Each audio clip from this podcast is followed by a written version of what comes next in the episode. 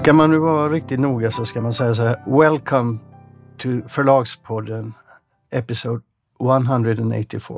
För jag sitter i London och vi kommer att prata mycket engelska i programmet. Just det. Du brukar ju då glida in i det engelska språket när du är i London. Eller hur?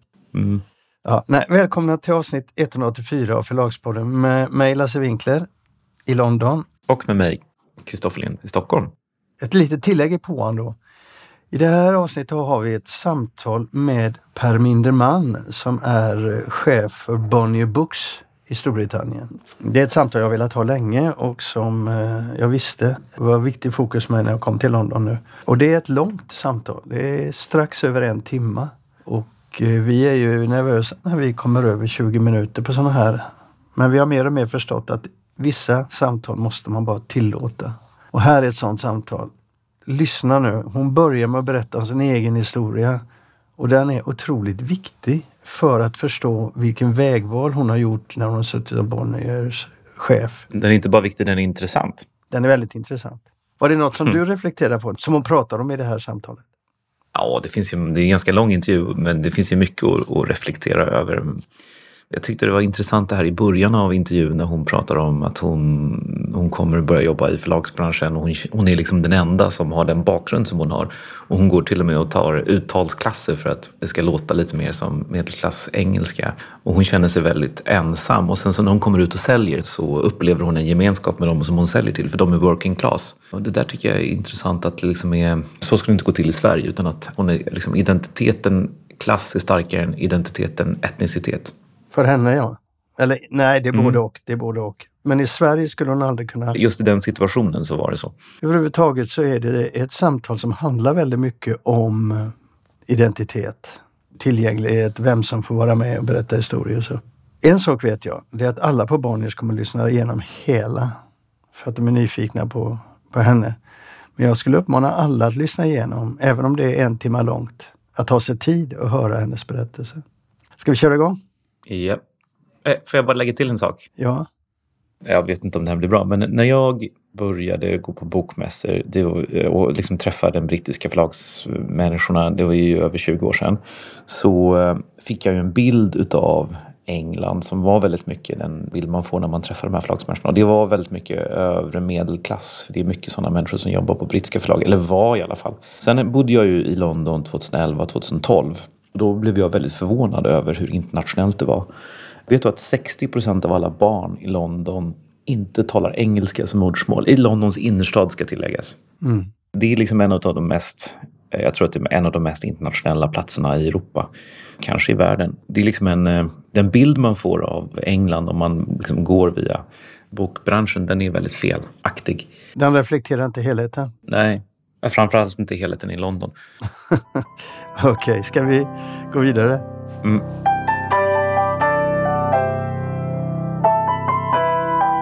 London bokmässa tog slut igår och det är ju på plats att vi ger lite reflektioner. Du var ju här också men du åkte hem tidigare. Mm. Hur upplevde du bokmässan? Personligen så känner jag väl lite grann som jag kände i Frankfurt som jag redovisade för att eh, jag behöver egentligen inte åka på bokmässor längre för att jag eh, har mest svenska författare och de möten jag hade var mer sådär kollegialt att jag träffade lite internationella kollegor och det skulle jag kunna gjort på en annan plats än på själva mässgolvet. Så att jag känner att jag behöver egentligen inte åka. Men sen upplevde jag väl också att eh, det var väldigt mycket folk. Jag var ju på mässan ganska kort men det var väldigt mycket folk. Eh, samtidigt som det var flera förlag som brukar åka som i år inte hade gjort det. Och det är väl också en sån här reflektion jag gjorde att det går ju idag alldeles utmärkt att sitta hemma. Alltså mässan är inte nödvändig på det sätt som den var kanske för 15 år sedan eller 20 år sedan. Och sen också att alla svenska förlag ska köpa mindre översatt.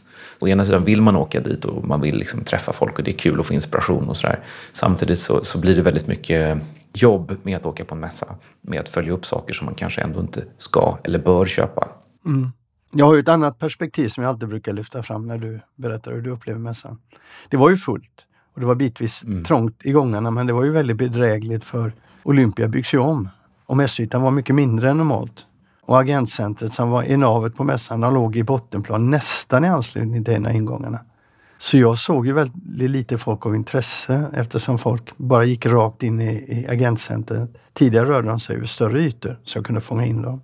Jag följde ju samtalen på eh, scenerna, alltså samtalen och debatterna. Och där förs ju de här debatterna och samtalen om de viktiga frågorna för branschen just nu. Och en intressant sak var ju bland annat förändringen. Jag har ju sett och följt den här diskussionen om, representation, vem som tillåts delta på vilka villkor. Och då slog det mig nu att någonting har hänt.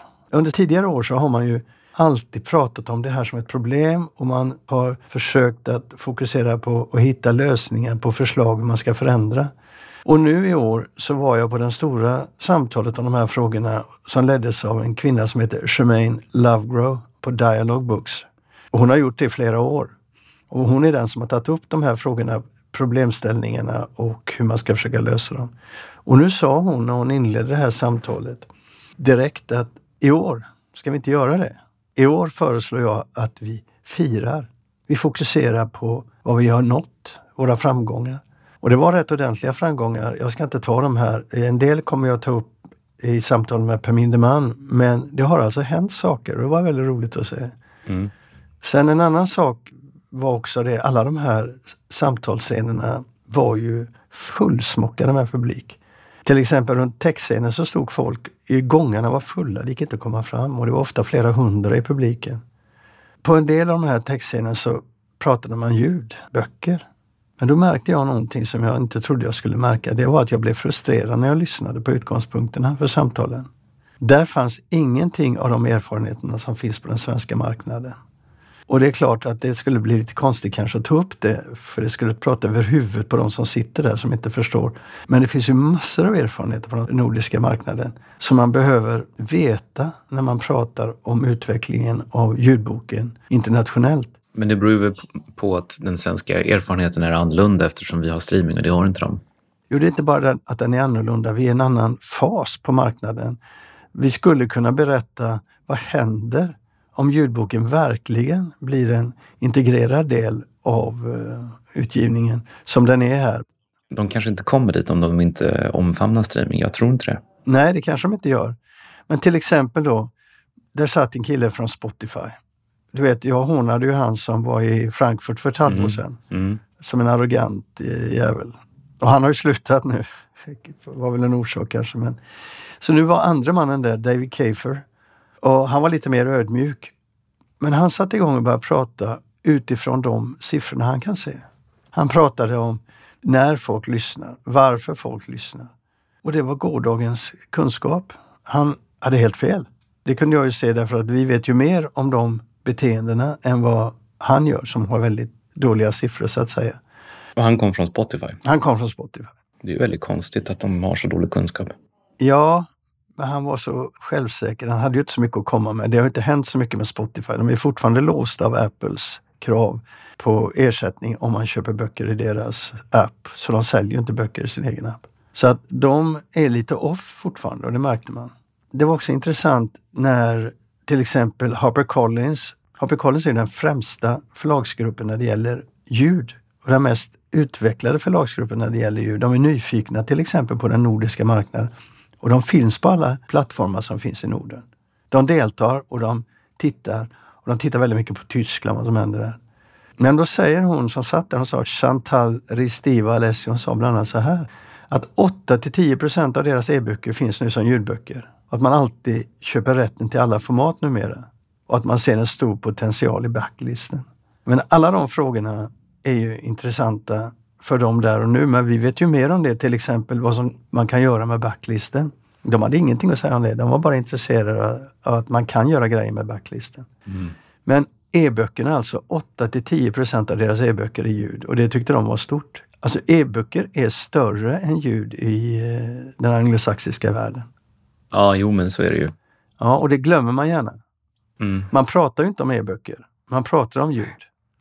Och det växer. Det växer 10 procent i USA förra året och 7 procent i Storbritannien. Men det är fortfarande så att eh, ljudet är underordnat e-boken, utom när man pratar om det.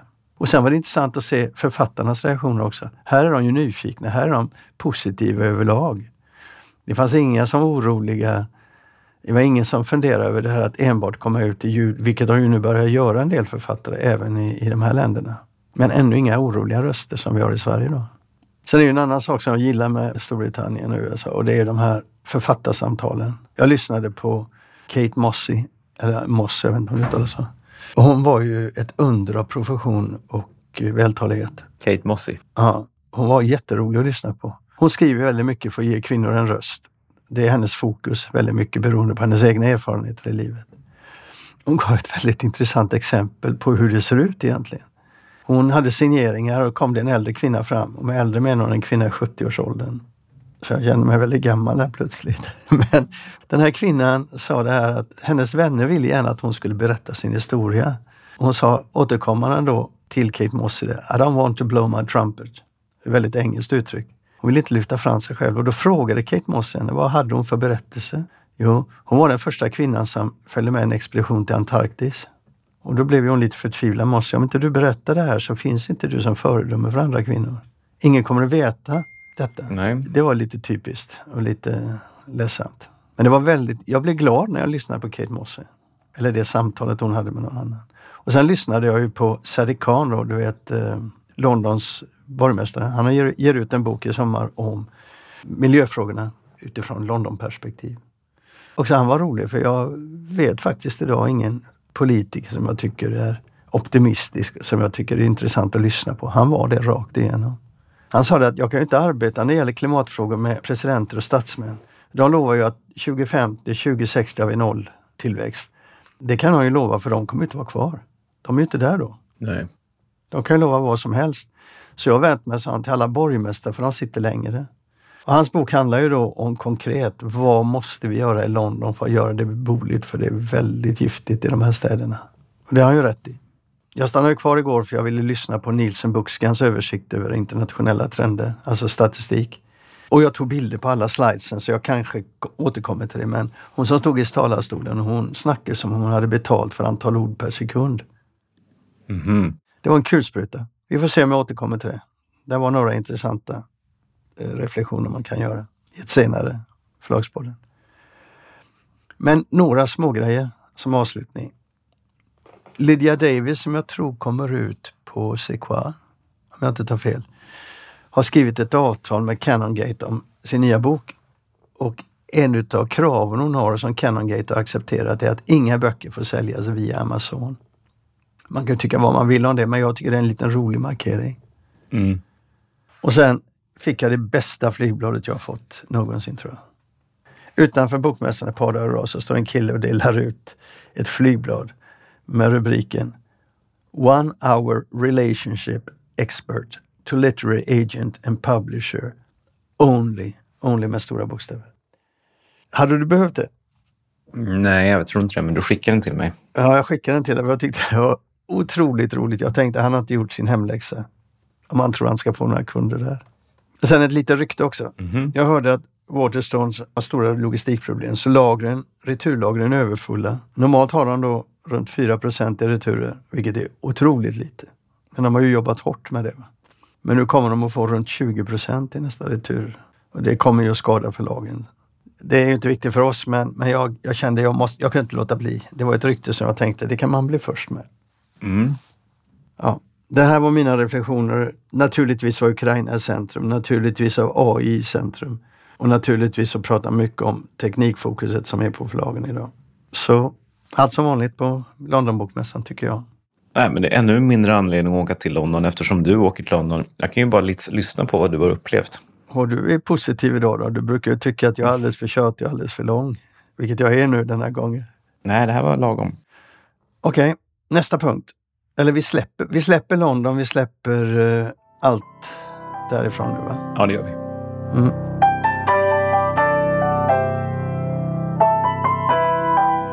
Ja, nästa punkt är en Nobelpristävling som bokförlaget Ekström och Garay har utlyst. Och när du såg detta, Lasse, så blev du upprörd. Det blev jag. Blev inte du det då? Nej, inte på samma sätt. Det var Boktugg som tog upp det och Författarförbundet som hade reagerat. Att Ekström och Garay, som jag för övrigt inte kallar bokförlag, har en Nobelpristävling. Där hade man ju då, tar man betalt 550 kronor tror jag för varje bidrag. Och då gjorde Författarförbundet en genomgång och kom fram till att förra gången hade de 500 bidrag och tjänade 275 000 på det då. Mm. Sen betalade de en prissumma på runt 50 000 totalt till de tre första. Första pris, andra pris, tredje pris. Sen ger de ut en antologi med de tio främsta bidragen.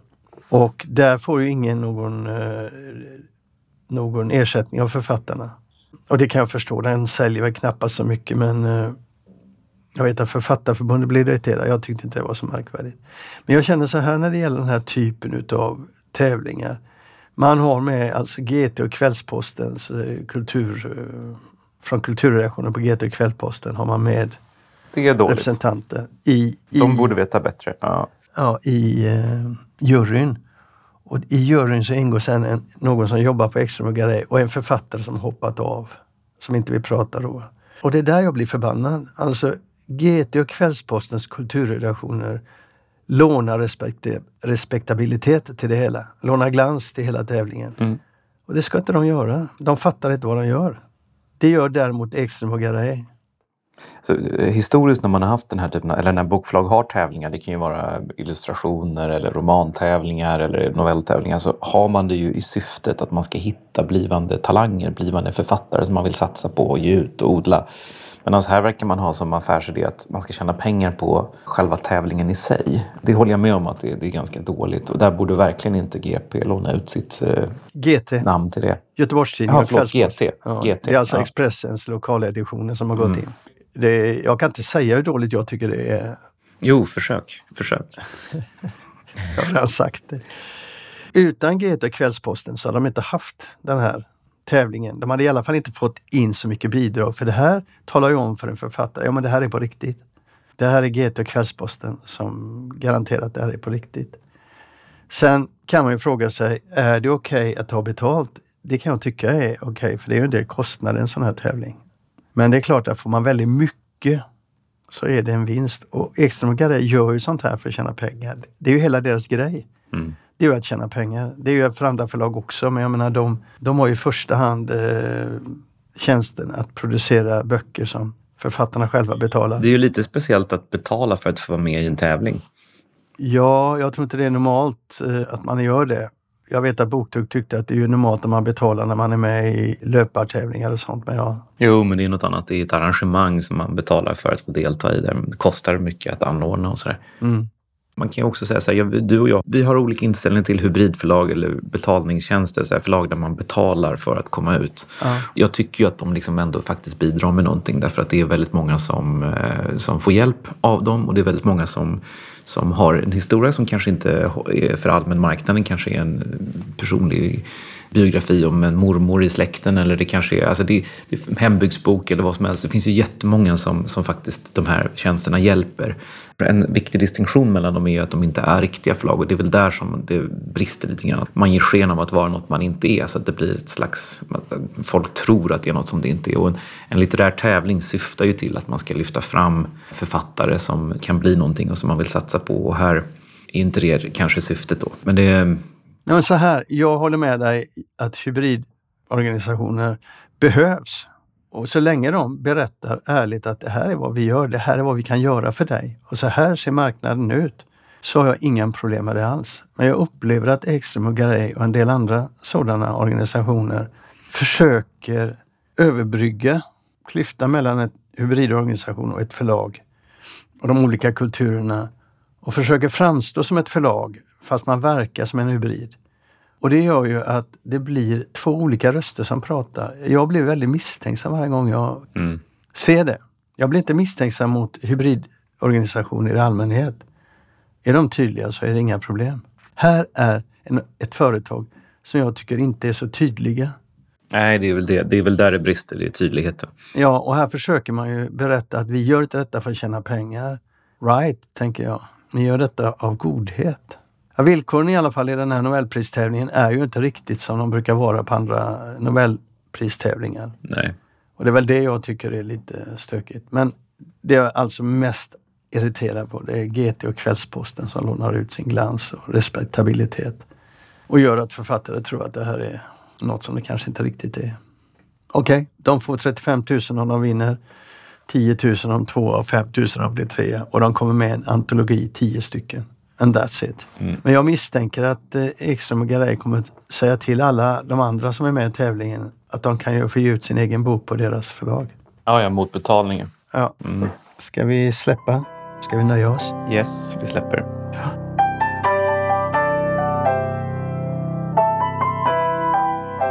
Och nu följer då alltså samtalet med Per Minderman. Jag behöver inte säga mer, jag har redan sagt vad jag tycker i påan. Så att lyssna nu och lyssna färdigt. Jag lovar att det är värt det.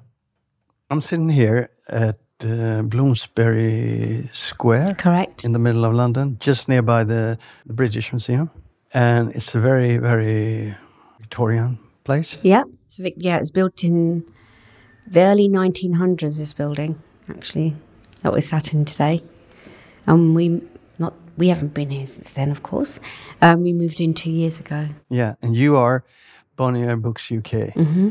And I'm here to speak to you. You are Perminder Mann, Correct. the CEO since five years. Yes. Surprised to me to look at Bonnier Books today compared to when your predecessor, Richard Johnston, was at the wheel. Mm-hmm. In those days, I asked Håkan Rudels what Bonnier was then. Mm-hmm.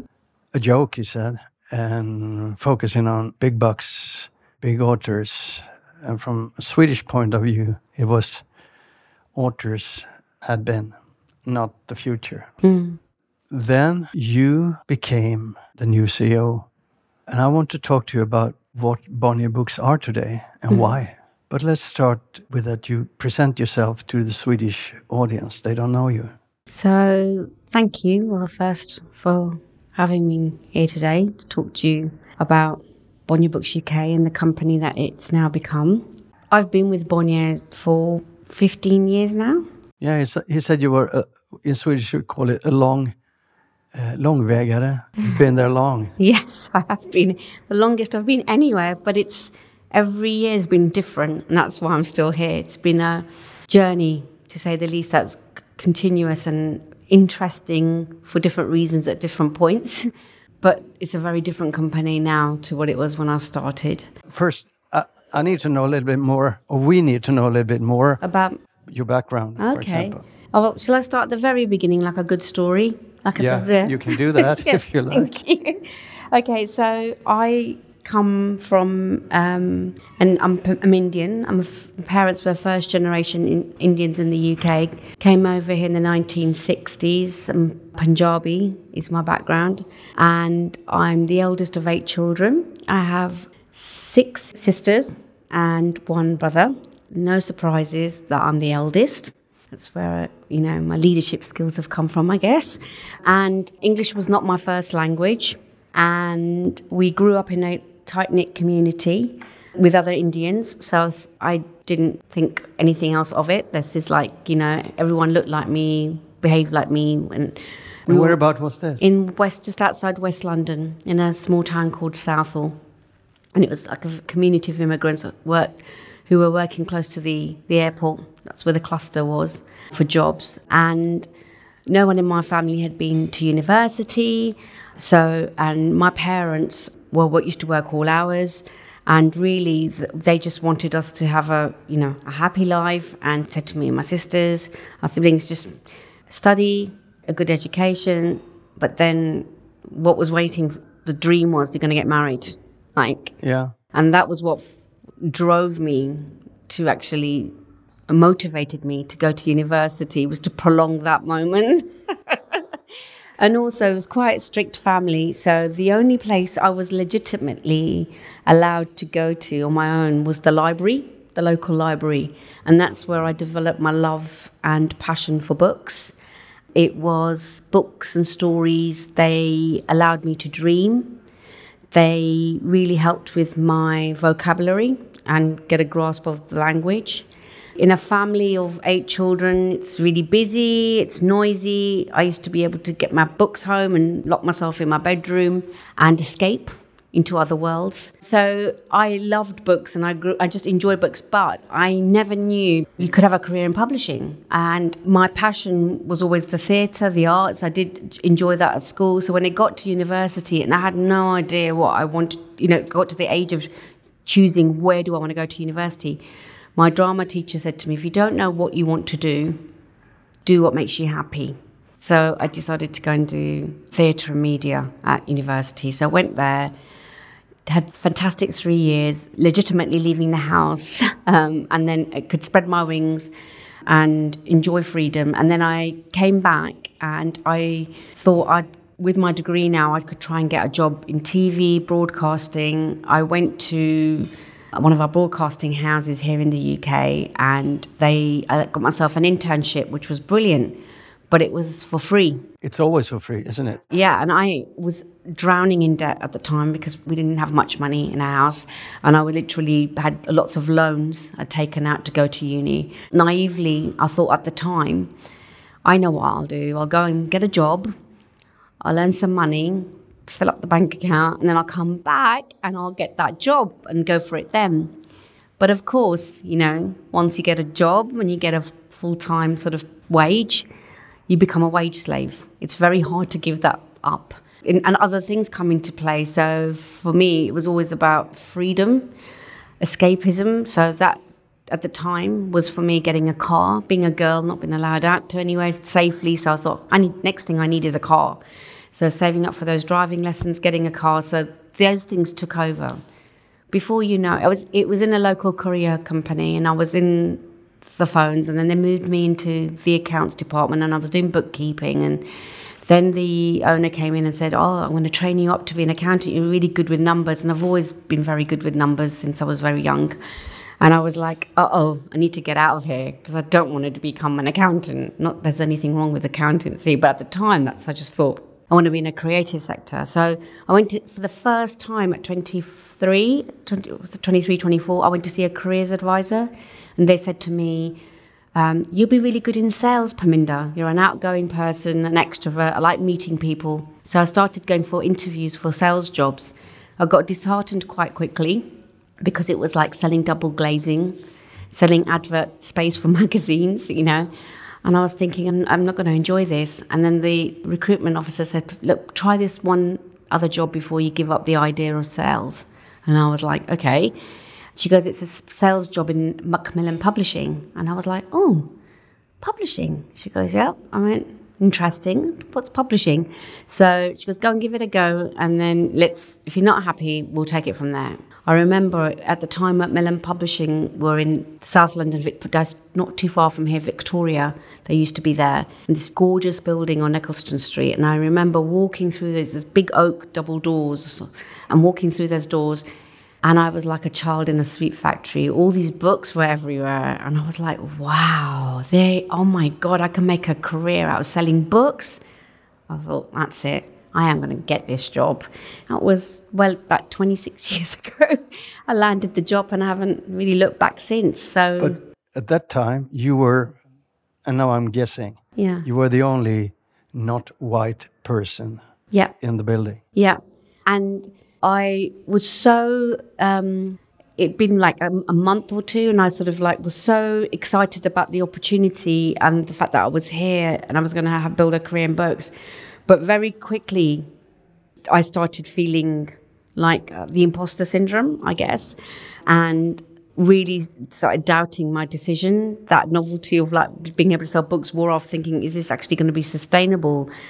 I don't really connect with anyone here. I don't speak like anybody here. I don't look like anybody here. And no one, no matter who you are, no matter where you come from, no matter what gender you are, in certain spaces, if you're the only one, no one likes to be the odd one out. Wherever, yeah. So at that point, I was started really becoming conscious of the way I spoke. So I started taking elocution lessons in the evening because I was I do. And elocution lessons is English. Yeah. Well, pronounce pronunciations and yeah. yeah. So I had a bit of slang where I'd come from, like West London, from from where I grew up, and then I started also my English was not great in terms of the standard required to be in publishing, and I've become acutely aware of that.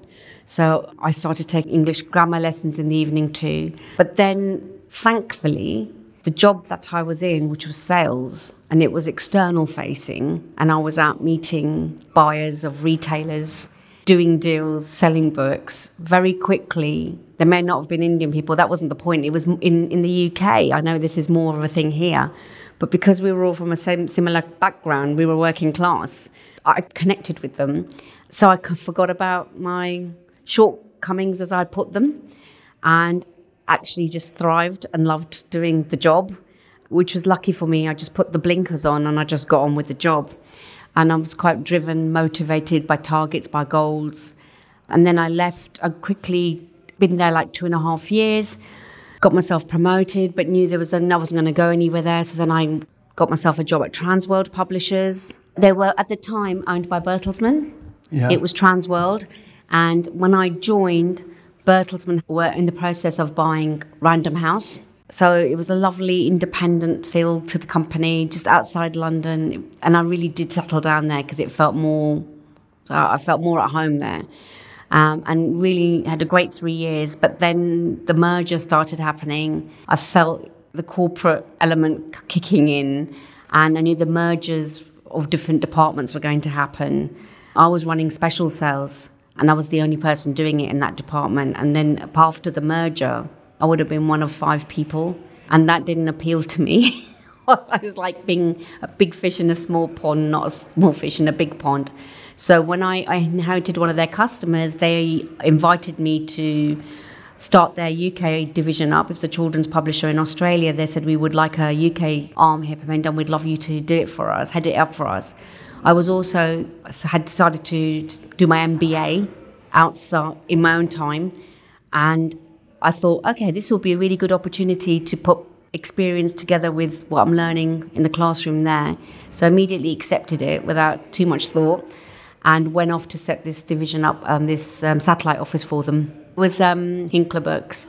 It was a steep learning curve because all of a sudden I had no off, I had no team, I had no IT team, I had no everybody was in Australia. I was on my own. I had to get a serviced office, and it was very difficult. Three years, constantly around the clock, trying to get this office set up. Everybody's over there, the time difference, and you're on your own. I had no brands. You only know what you've got when you haven't got it anymore.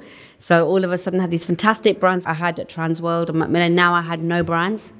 I transitioned into a hustler, where I was going to retailers and going, "I can sell this to you," and they were like, because they had no brands, it was all about format and pricing, like 25p, or no, 24p, like 23p, like buy another 2,000, I'll sell it to you for 21p. So, so I learned to trade like that, I guess. But they say what doesn't break you makes you.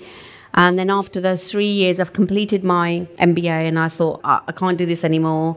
I'm exhausted. And I wanted to go back into a team. But then I was not sure about going back into trade publishing in London. And then I had, I'd recently just got married as well. So I decided to take a break naively again and thought I have a child, thinking that was a break. because I was going to get six months off. And quickly, that was a wake up call because I worked for an international company. I didn't get maternity pay. Okay, that was smart, not. But anyway, so I had my son. And then I got approached by a Canadian publisher who said, Perminder, we've seen what you did with Hinkler. Will you do the same for us? So I took on that role because I wasn't sure what I wanted to do yet. And I thought, I can, they said, you can work from home it's really no pressure. Here's your targets, get on with it, and that's fine. And there were books plus, and I thought, I can do this until I figure out what I want to do with myself. And so I did that, and then had my second child, my daughter, and then I decided I had enough of being on my own at that point. In that job, I've accounted a toy company that I thought I'd try that, and they went there, worked for three years, had a fantastic time again, lovely small family owned company working with big brands, learnt about international sales, learnt about brands and branding and licensing. And then they got bought out by a big company. And my children were getting older. And actually, it was the, I was traveling to Hong Kong. It was such, I think, the best time of my life. But then my children, I wasn't giving them enough time. And I grew up, the only thing I missed from my parents was their time because they gave, you know, it was a happy childhood, but they were always working. And I always thought, when I have my children, I'm going to give them my time. It's really important to me. And when I asked for flexible working and they said no, I said, I need to find another job because my kids are growing up and we're not seeing each other. Then I decided I wanted to get back into books. Because I hadn't applied for jobs, it was quite scary at the time because I didn't even have a CV.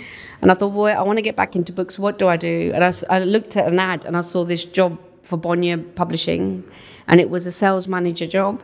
All I could see underneath it was office two days, at home three days, and I was like, oh, this is my route back into publishing and also a balance where I can work at home with the kids and you know because it's a sales job you're on the road it's flexible and I applied for the job and at that time 15 years ago Richard Johnson he mentioned had just become CEO his job and, and Bonnier's had come into the English speaking market had uh, bought a number of children's publishing houses and kind of just left them on their own.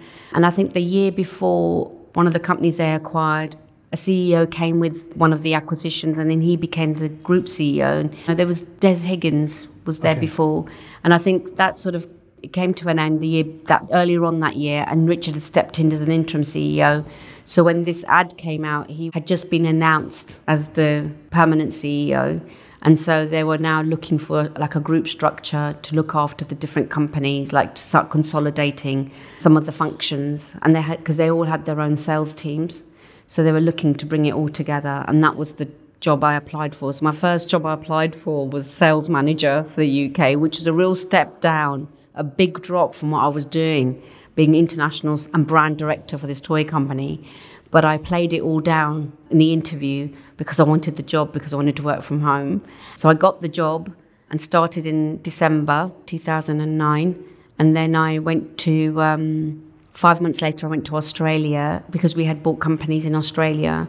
I was with Richard on that trip. And he said that he, when we got back, he said to me, You know a lot more than what you said in the interview. And I was like, yes. And he was like, why did you do that? And I was like, because I, and I, then I was honest, because I wanted the job, because I wanted, I need to be at home. My children are young. And he said to me, I'm going to make you business development director and work with me because he needed someone because about publishing because his background was finance. And he goes, and I said, well, what does that mean in terms of where I work? Because you can still work from home, the same arrangement. And I went, oh, in that case, yeah, shake your hand. I'll do.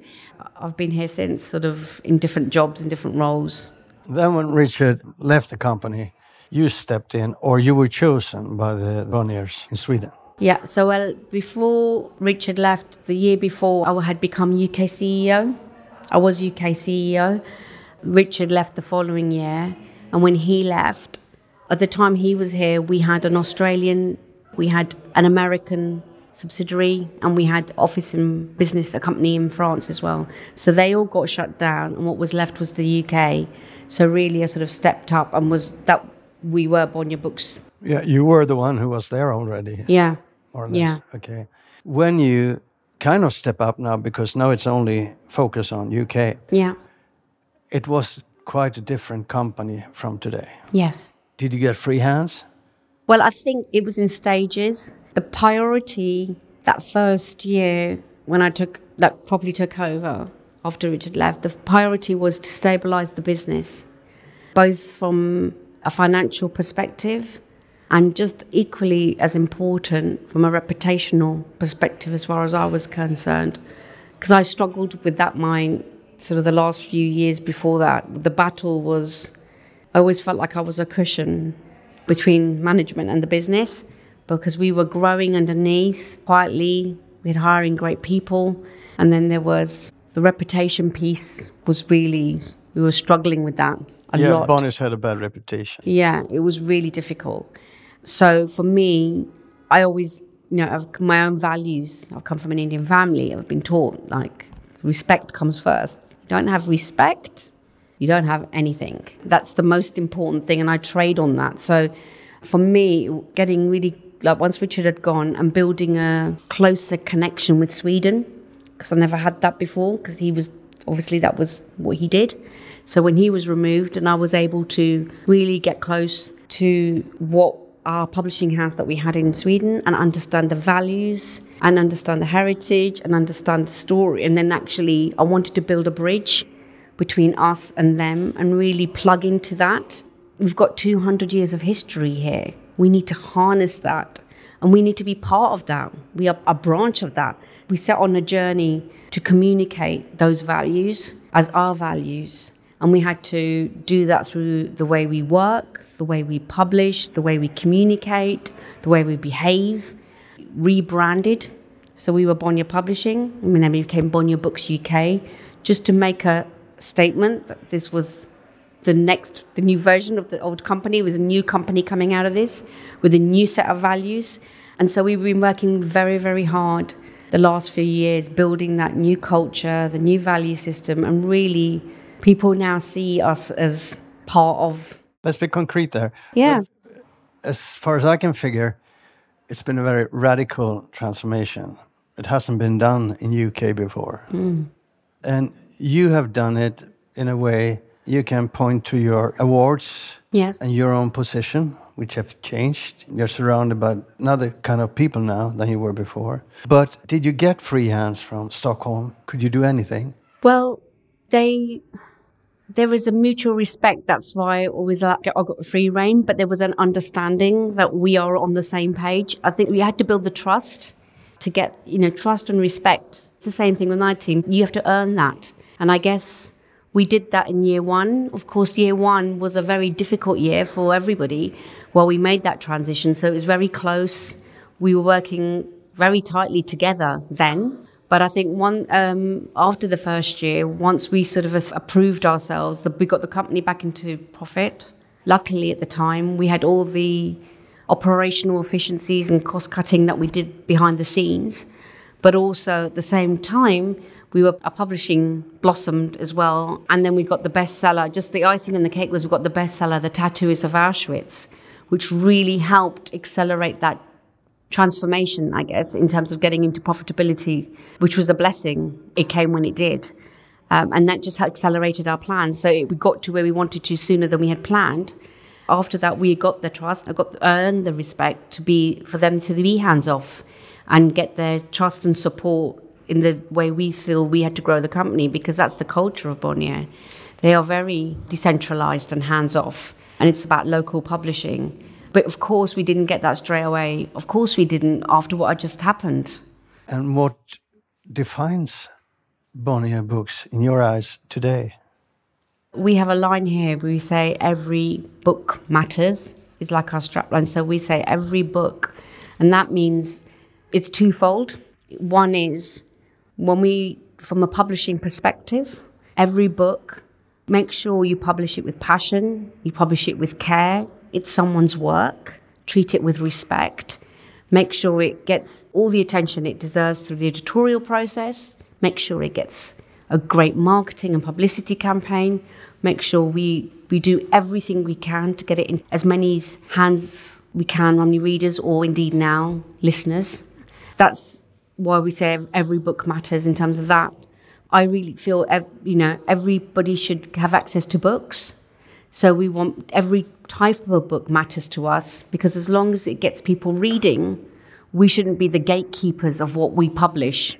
I'm passionate about growing, personally passionate about growing audiences, and I'm personally about getting more people reading. That's just a personal passion of mine because I know books can change lives, they change mine. I think books can really help in society in so many different ways and make such a great social impact. And you learn through books, you learn about other people, you, cre- you build empathy, you build knowledge. I just feel books have a really important part, a role to play in society. So, sort of that comes through all of our values as well. You are a company today, and I shouldn't be saying that, you should be saying mm. this. You're a company that also have put your values very high up and very front, so to speak. It's in the front. Yeah. Everybody can see that you are promoting that and you're promoting that. We don't talk about only about books and people. Mm. We talk about color, we talk about gender, we yeah. talk about disability. Yep. And here you are a voice that is very loud in mm. UK. Yeah. That is what I see from Sweden. Am yeah, I right? Correct. That's what we've won our awards for, for inclusion. And inclusion means every voice has a seat at the table. It doesn't matter about your background, where you come from, what your gender is, what your if you've got a disability. We're trying to be as inclusive as we can because in a mission to get more people reading, they need to connect with the stories. They need to see themselves in stories. That's why we need to publish for everyone, is why that feeds into the culture. We need people here to represent society because the stories have to be authentic. And how do you represent society here? So we are in the UK, we're a real multicultural society, particularly so in London, where we are actually based, predominantly based. We do now have offices outside London, but most of our company is based here. And so we want to represent the readers that we serve. That's why we changed a lot. We had to stop. We started, we changed our recruitment practices. Was Meaning? The, so we started about four years ago, we started a blind recruitment process where instead of putting an application out on our website or with um, recruitment agencies saying, this is the job ad, send your CV in, because we learned from studies that we all, including myself, we have an unconscious bias, right? And that's just a product of your upbringing and your experiences, okay? I have unconscious bias about people. If you look at somebody think, oh, they don't look the part or they don't sound the part or they, you know so we, i try to remove an element of that from the first layer of recruitment so i've got my managers to really think about the role and what are the skills and the experience you want from that role and then we put those as part of the ad this is what we're looking for in the person in terms of skills and experience and then through the responses that we received with no name no age no address so we don't know where they live in the country. Purely based on the responses, they create their shortlist of five, six candidates they want to interview. And then they get the CVs and then they have the interviews. And then, of course, we've all got, there is going to be some unconscious bias then, but at least the person has a chance then to get in front of someone and prove, prove why they're good for the job. They're not discriminated against before they even had the chance we were one of the first publishers to introduce blind recruitment um, in the industry. So we've been doing that f- for a while now, and it's working incredibly well. Obviously, then our working practices in terms of equality in the workplace. One of the first things I did when I became CEO was, which I think our owners were shocked with. He was like, "This is basic housekeeping," and I went, "I know." Was maternity pay because we are like seventy percent women here in Bonnier, we had um, publishing like the government statutory maternity. A lot of the policies that I've put in place is like things I've been through myself. Yeah. So I knew when I had my children, had no maternity pay, how hard it was and how I struggled. I just felt as well it was a difficult thing when you're trying to, as a company in growth, you're trying to attract really top talent, and then you've got like a really poor package where you're not even offering maternity pay, the basics. So I said, I really want to do that. And they were so supportive, being a Swedish owner as well, really was incredibly helpful. They're so forward thinking in this space. So it was a no brainer, but it was a big win for us. And then we actually decided we're going to match PRH, the, the leading publisher here, and offer the same maternity package, again, which was a big win. So as we've been on a journey, all these things we have to put in place as on the economics of the business to be able to support these policies. So we've had to do them in, in stages. Last year, we introduced equal parental leave because if you want equality between men and women, it starts when a child is born at home. So we did that. Um, we were not required to publish our gender pay gap, um, which is an audit the government wanted all companies to do of a certain size to reduce inequality in the workplace. But we just put ourselves up for that because we uh-huh. wanted to be accountable for ourselves and we were commended for doing that. And I'm really proud we did it because I thought, how are we going to measure progress if we don't measure? Like, how do we know we're doing better? We did that, and I'm really proud what we've done for that. We've done a lots of lots of training for our staff when it comes to through the not just the recruitment, but we're now in last year we've started looking at the editorial side of things, the type of stories that we're publishing, the books that we're publishing, how we're publishing, sensitivity reads, all these sort of things. Are it's a journey, it's a long journey, but I'm really glad and proud. We are seen to be the leaders in this space, leading the charge. Others are then following suit which is really good because I care about the industry as a whole. What we do has an impact on others. I often get feedback from other from people who work for other companies just saying, I'm so glad what you're doing at Bonnier's because when you do it, we all like our management go, right, we need to do that now as well. We need to upgrade our policy on this as well. We need to think about that too. And that just makes me incredibly proud and happy when that happens as well. There's a lot more, I guess, to this. I was at the book fair yesterday and they had this um, program yeah. about diversity and inclusiveness. About five people there. Mm-hmm. Lovegood is her name, is it? Uh, Lovegrove, Sharon, and uh, Sharmaine Lovegrove. Yeah. Yeah. She, has been a leading voice mm-hmm. for this change yep. in UK. I think it was last year the year before, she was sitting in a panel and they were discussing the problems. How do we define what kind of uh, topics we're mm-hmm. going to work with? This year, she started and said, We don't need that anymore. Mm. This year, we celebrate. Mm meaning something has happened yeah. on the ground. Mm. And one of your publishers for Heligo books, Rick, yeah. Rick, yeah, yeah. Rik Ubhi, he said we have developed a kind of more secure voice, a more secure platform to speak about these things. We are safer, or we are more, we say in English, more secure. Yeah. In a way, and we publish books we wouldn't have done a couple of years ago. And he gave a couple of examples. Yeah. And then it hit me. Of course, if you hire someone like Rick, who is from. He's an, also an Indian background. Indian background yeah. too, yeah.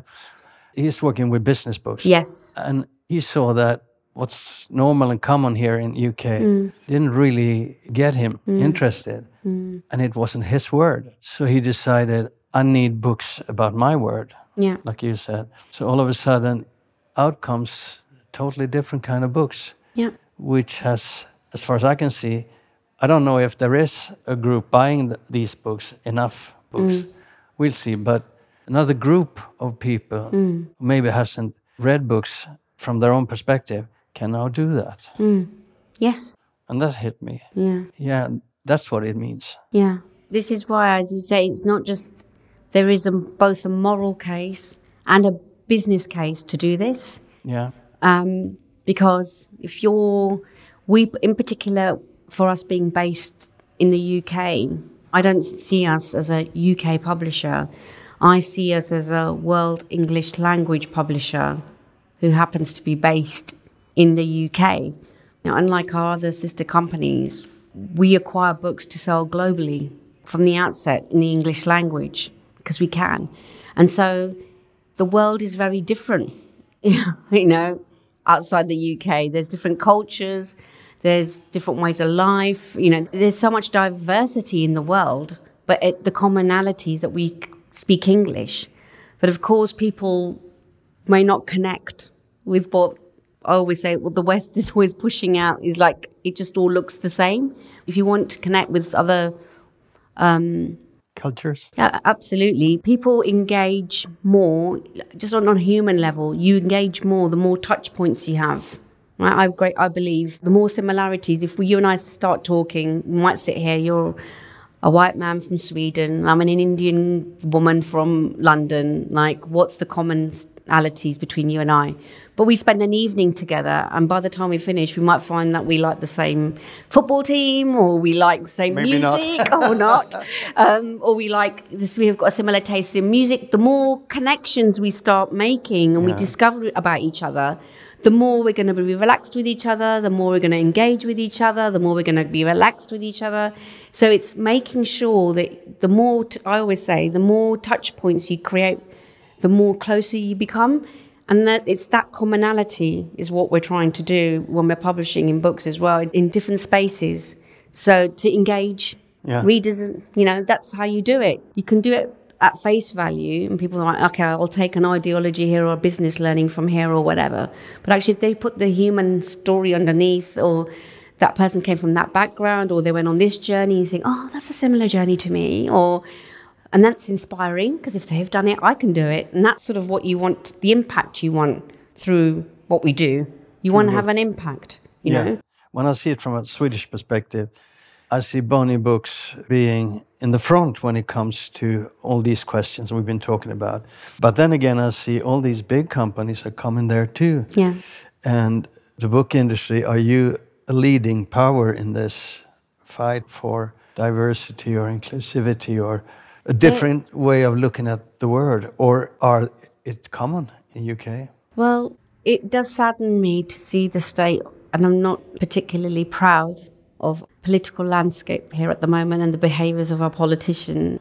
To be honest, Lars, when I got this job four or five years ago, I, it was like all those years, I never thought I would be CEO. I never had a role model. There was nobody inspiring me. I arrived here through sheer, like, putting my head down and hard work. I'm just focused on targets. And then, oh my God, I'm CEO. And then I looked around as CEO. There was still, there was no one like me again. But all I was focused on after the whole episode with Richard was like, I want to do a really good job. I want to turn this company around. I want to get into profitability. I want my reputation and respect back.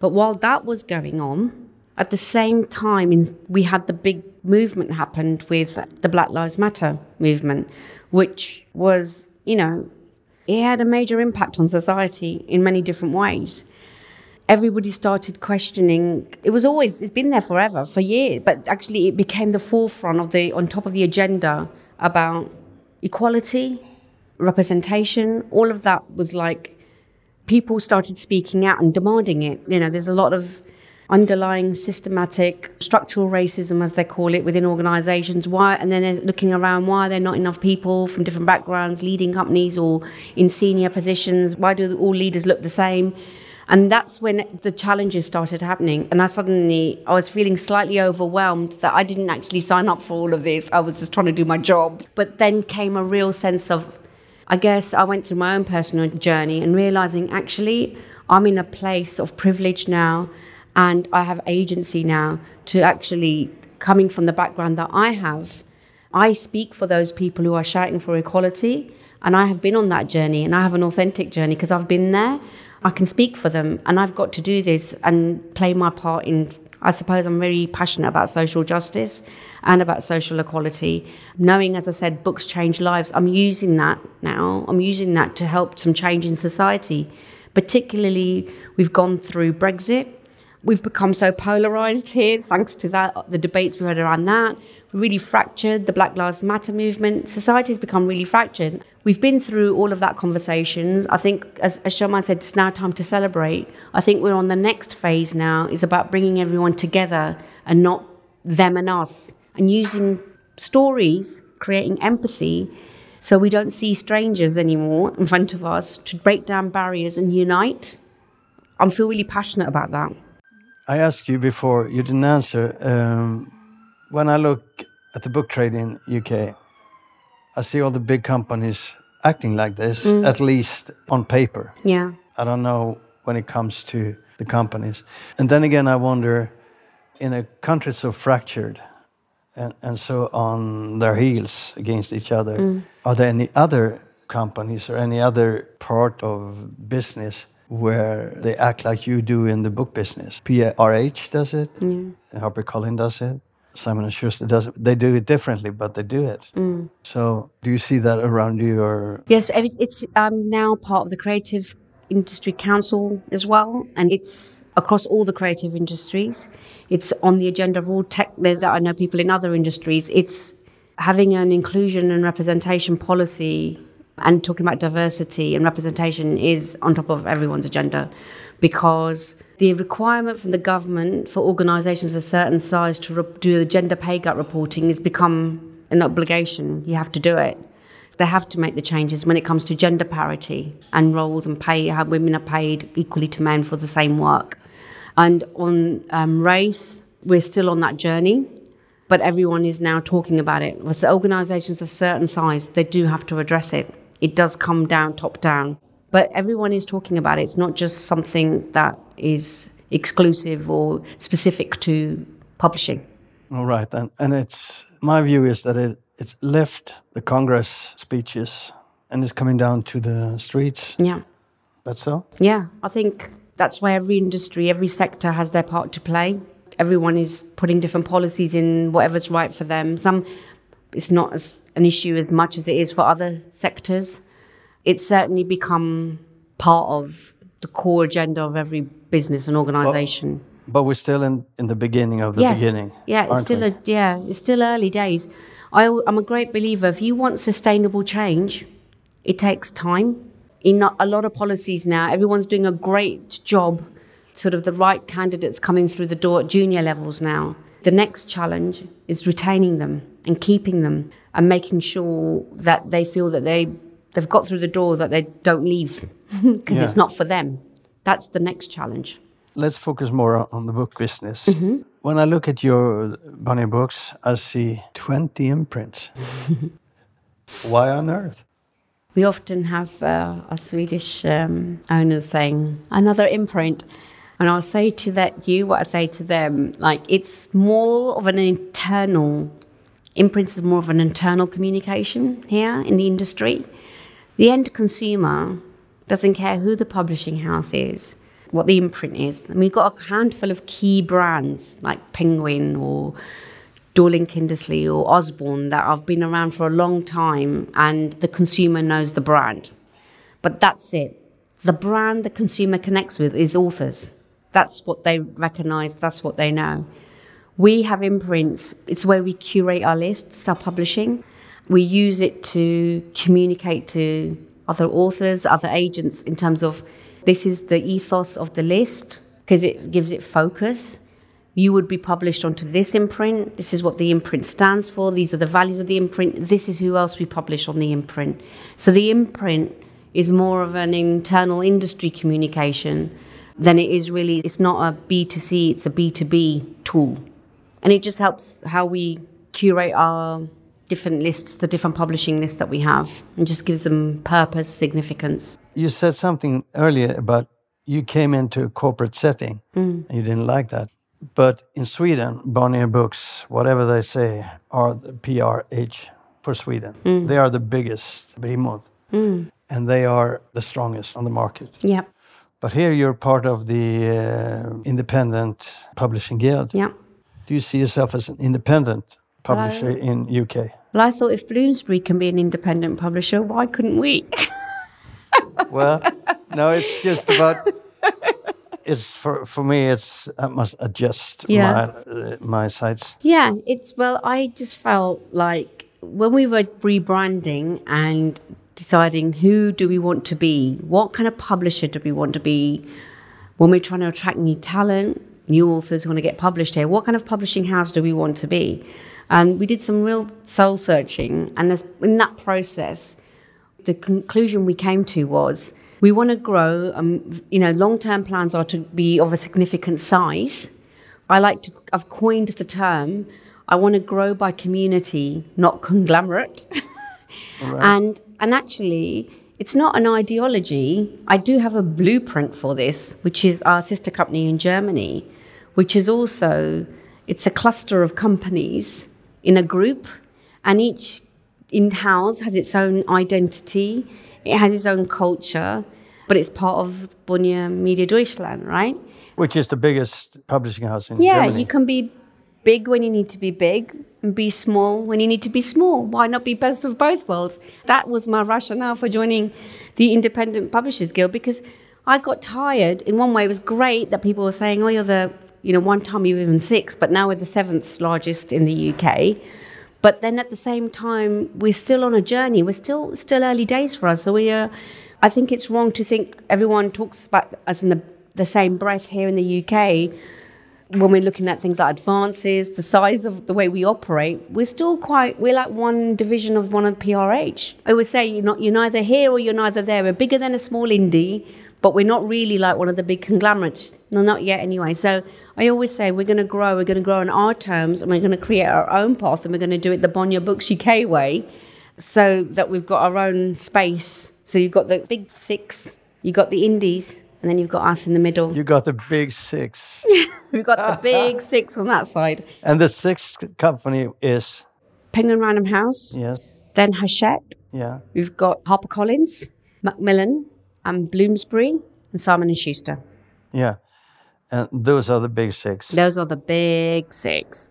I, I don't think Bloomsbury is very big compared to Random House. They're significantly bigger than us. Yeah. at this moment in time. So obviously a different structure. They're publicly owned. They answer to the city. So it's a very different Yeah. um, But operation. But then they are part of the Independent Publisher Guild because they've come up as an indie. So I just felt we could be them too. You are a London company, and London is a very, very hard place for people to start from the bottom in mm. any company. Mm. How do you do that? I mean, how do you get talent? You can't. I mean, you can't live in London and pay those prices. One of the wonderful things about the pandemic, certain spaces, it was a real democratizer in different places.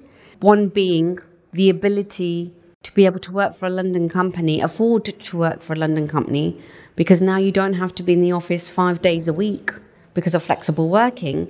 You could actually afford to live outside London and commute in two days a week. That's the policy we have here. It's two days in the office and three days from home. So hybrid working has enabled us to now recruit from a much wider demographic group, bunch of people, and also from around the country. You don't have to live here now to work here, and people can afford to now. So that has been a real democratizer. Even before getting the job, interviews was difficult. If you live up north of England and you want, want to come to London for a job, you're spending 100 and 150 pound on a train ticket, right?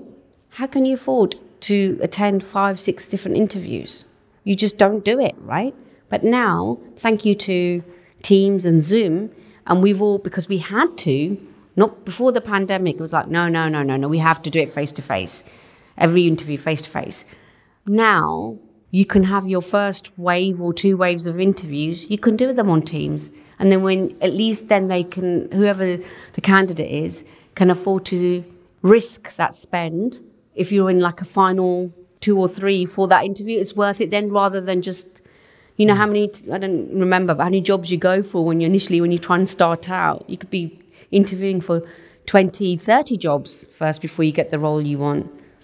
You can afford to do that now. And now you also started to place yourself around UK. You bought a company Yes. in Edinburgh, Yes. black and white, Yes. and you have a, an upstart, what you call it, in Dublin, Correct. and you have uh, Igloo in Northampton. Correct. So what's in the future? We've got one more area to cover to be truly United Kingdom. Wales? Wales. that is my next project that I'm looking at Um, at the right time with the right person. And we're just looking at how we can actually economically do that. But that's in work in progress. And then I think we've got great geographical representation around the country so people can go and work in the local office as such. But you have one big white area, and that is around Midlands, hmm. Manchester, Birmingham.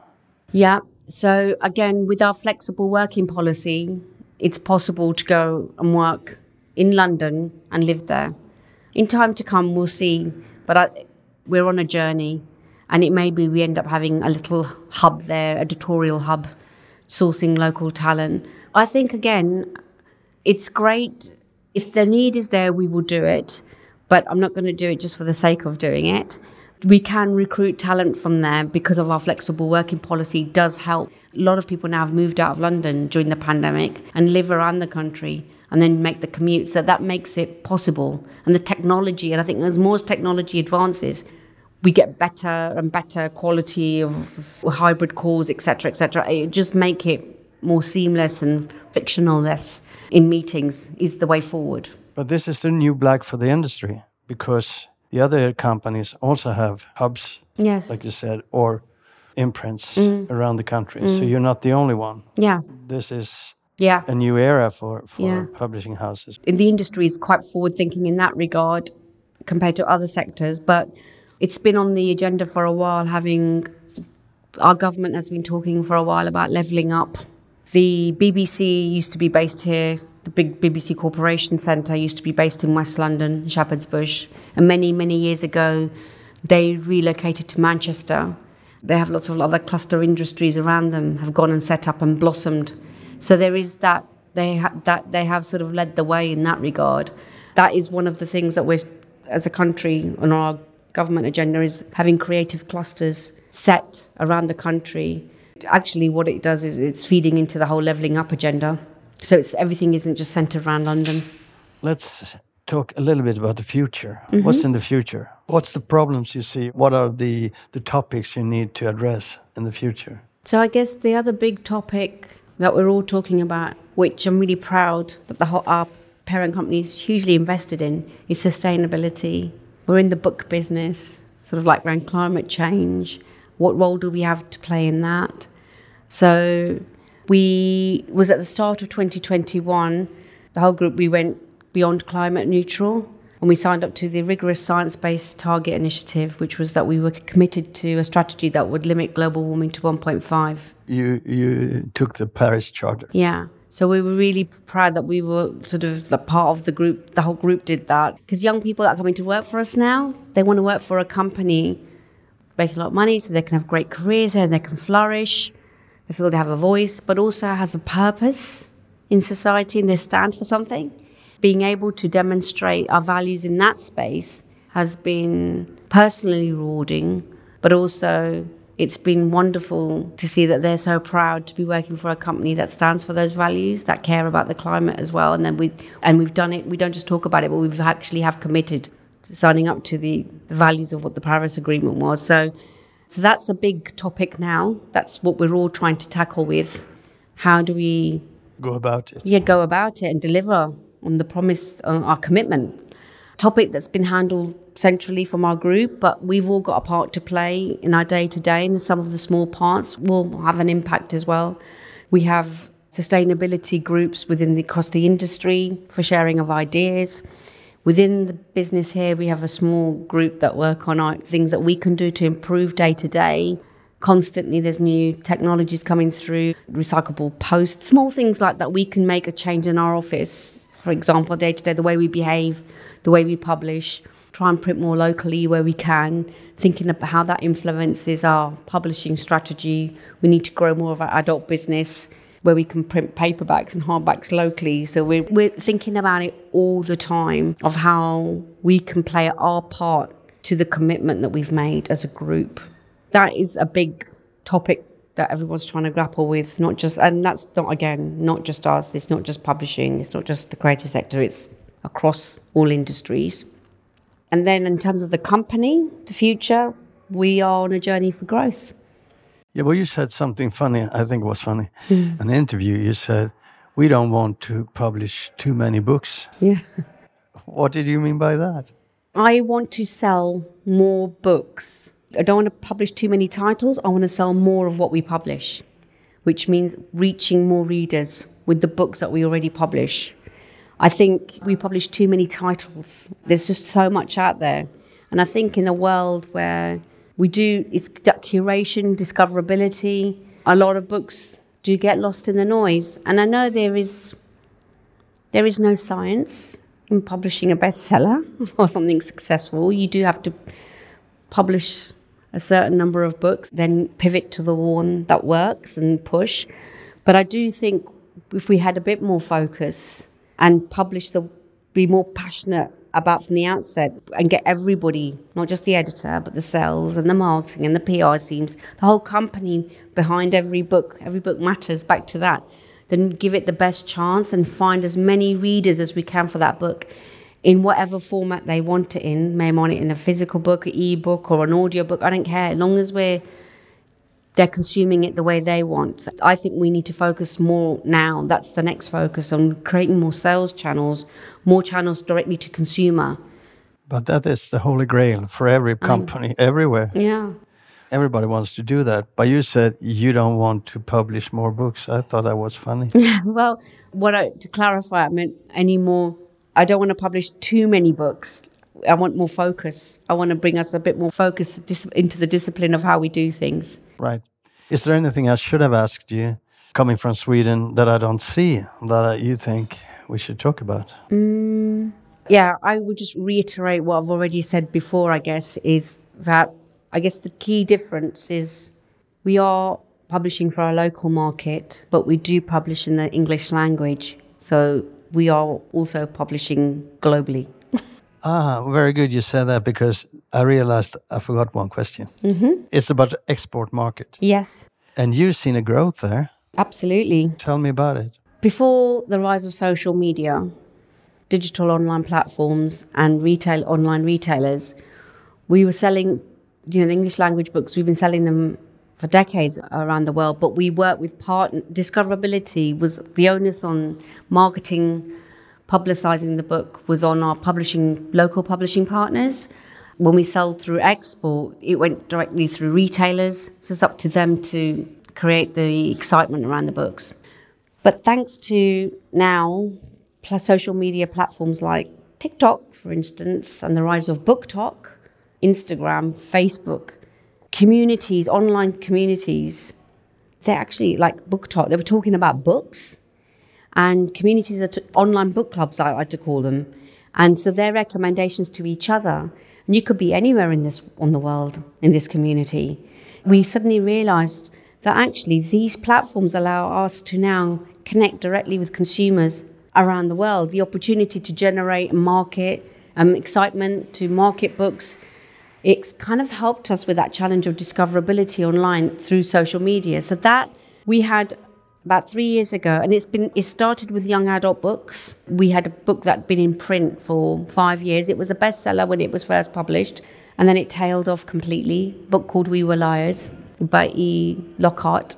Then I remember it was extraordinary. It was about two years ago. It was two years ago. And overnight, the book was out of stock, and there was this unprecedented demand for it, and everyone like we need to print some more. We're like, what's caused this? Have we done anything special? Has something happened with the author? Have we done any marketing that we should? Why didn't we plan for this?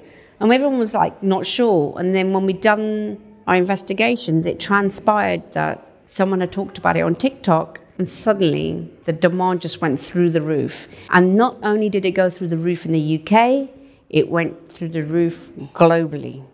So we had our distributors calling us in the US, in Australia, all English speaking markets, like they wanted this book. I think the number of copies we sold that year, we hadn't cumulatively hadn't sold for five years. Thanks to um, social media, our export sales have just. Yeah, so the numbers for last year. It's about two third of every pound comes through export sale. Yeah. Two third. I mean, If you think Wow. about that, there's a young generation coming through and they're all talking and communicating with English language. Yeah, I met this young girl in, in a bookshop in Gothenburg a month ago. Mm. She was working as an intern Yeah. selling books. And she told me that she's totally into BookTok. Yeah. And that's the books she reads. And that is, she's so happy about it. and she was from a very small, small town in Sweden. And now she's reading English books like nothing. And I realized the power in that. But at the same time, it's affecting us in a not so good way. I mean, the Swedish language, we're a mm. small country, the Norwegian language, they're a small country. And TikTok just goes through any barrier. Mm. They- you just see them fly. Well, because ordinarily, when we sell foreign language rights, it takes time for the translation, it takes time to publish the book by the time it hits the shelf. And we know that instant, sort of the instant gratification everybody wants when they're online. They're talking about it now. I want the book now. And if it's available in English, well, then I'll read it in English if I can. Because I want to be part of that conversation now. I want to comment and review and add my bit opinion to this. But it needs to happen now because by the time, first of all, is there going to be a translation? And if there is, it's going to be too late. Yeah. At the same time, the export numbers are so huge. It's never been like that in my life, mm. neither in yours. I mean, where's it going to stop? I think it's only going to grow. And again, I think people say it's a, it's not just now YA. I think this is why we're doing the whole side of the business books as well with what Rik is doing. Emerging markets, as they've been referenced to, have emer- are have kind of emerged when they're looking for business books like we used to read, like for you know etiquette, business etiquette, or if they're going to be trading with the West, the East, the language, the way behaviors, they're going to want these books and they can re have them in English language. I think the demand for these books are going to go, is still going to continue to grow. It's an up, I see it as a, a trend, and that's why we're really investing in that space. How do you do that? Well, this is when we, we've gone into the sort of the serious narrative non-fiction space. We're doing the business books with Rik has only launched his imprint a year ago, but we are continuing to grow. We're mindfulness, health, well-being, all of these books. Kind of ser- They travel. They do, but you mean you also do it in a kind of serial way? Yeah, so that we're looking for. The next thing is looking for brand global brand partnerships that people can connect with. That then will help the book travel as well. Go beyond the borders of our country for sure. This is how I intend to grow, and that's why I say we want to find more readers for every book that we publish. That's the journey I'm on, and f- wherever they are in the world. How big was the turnover last year? In the UK, we were just over we're about 84 million pounds. Thank you, Perminder. Yeah, it was very welcome. interesting to talk to you. Thank you for giving me the time to share my ah. story. Oh, yes. Thank you. Well, thank you for doing that. I appreciate it. I think it's fun.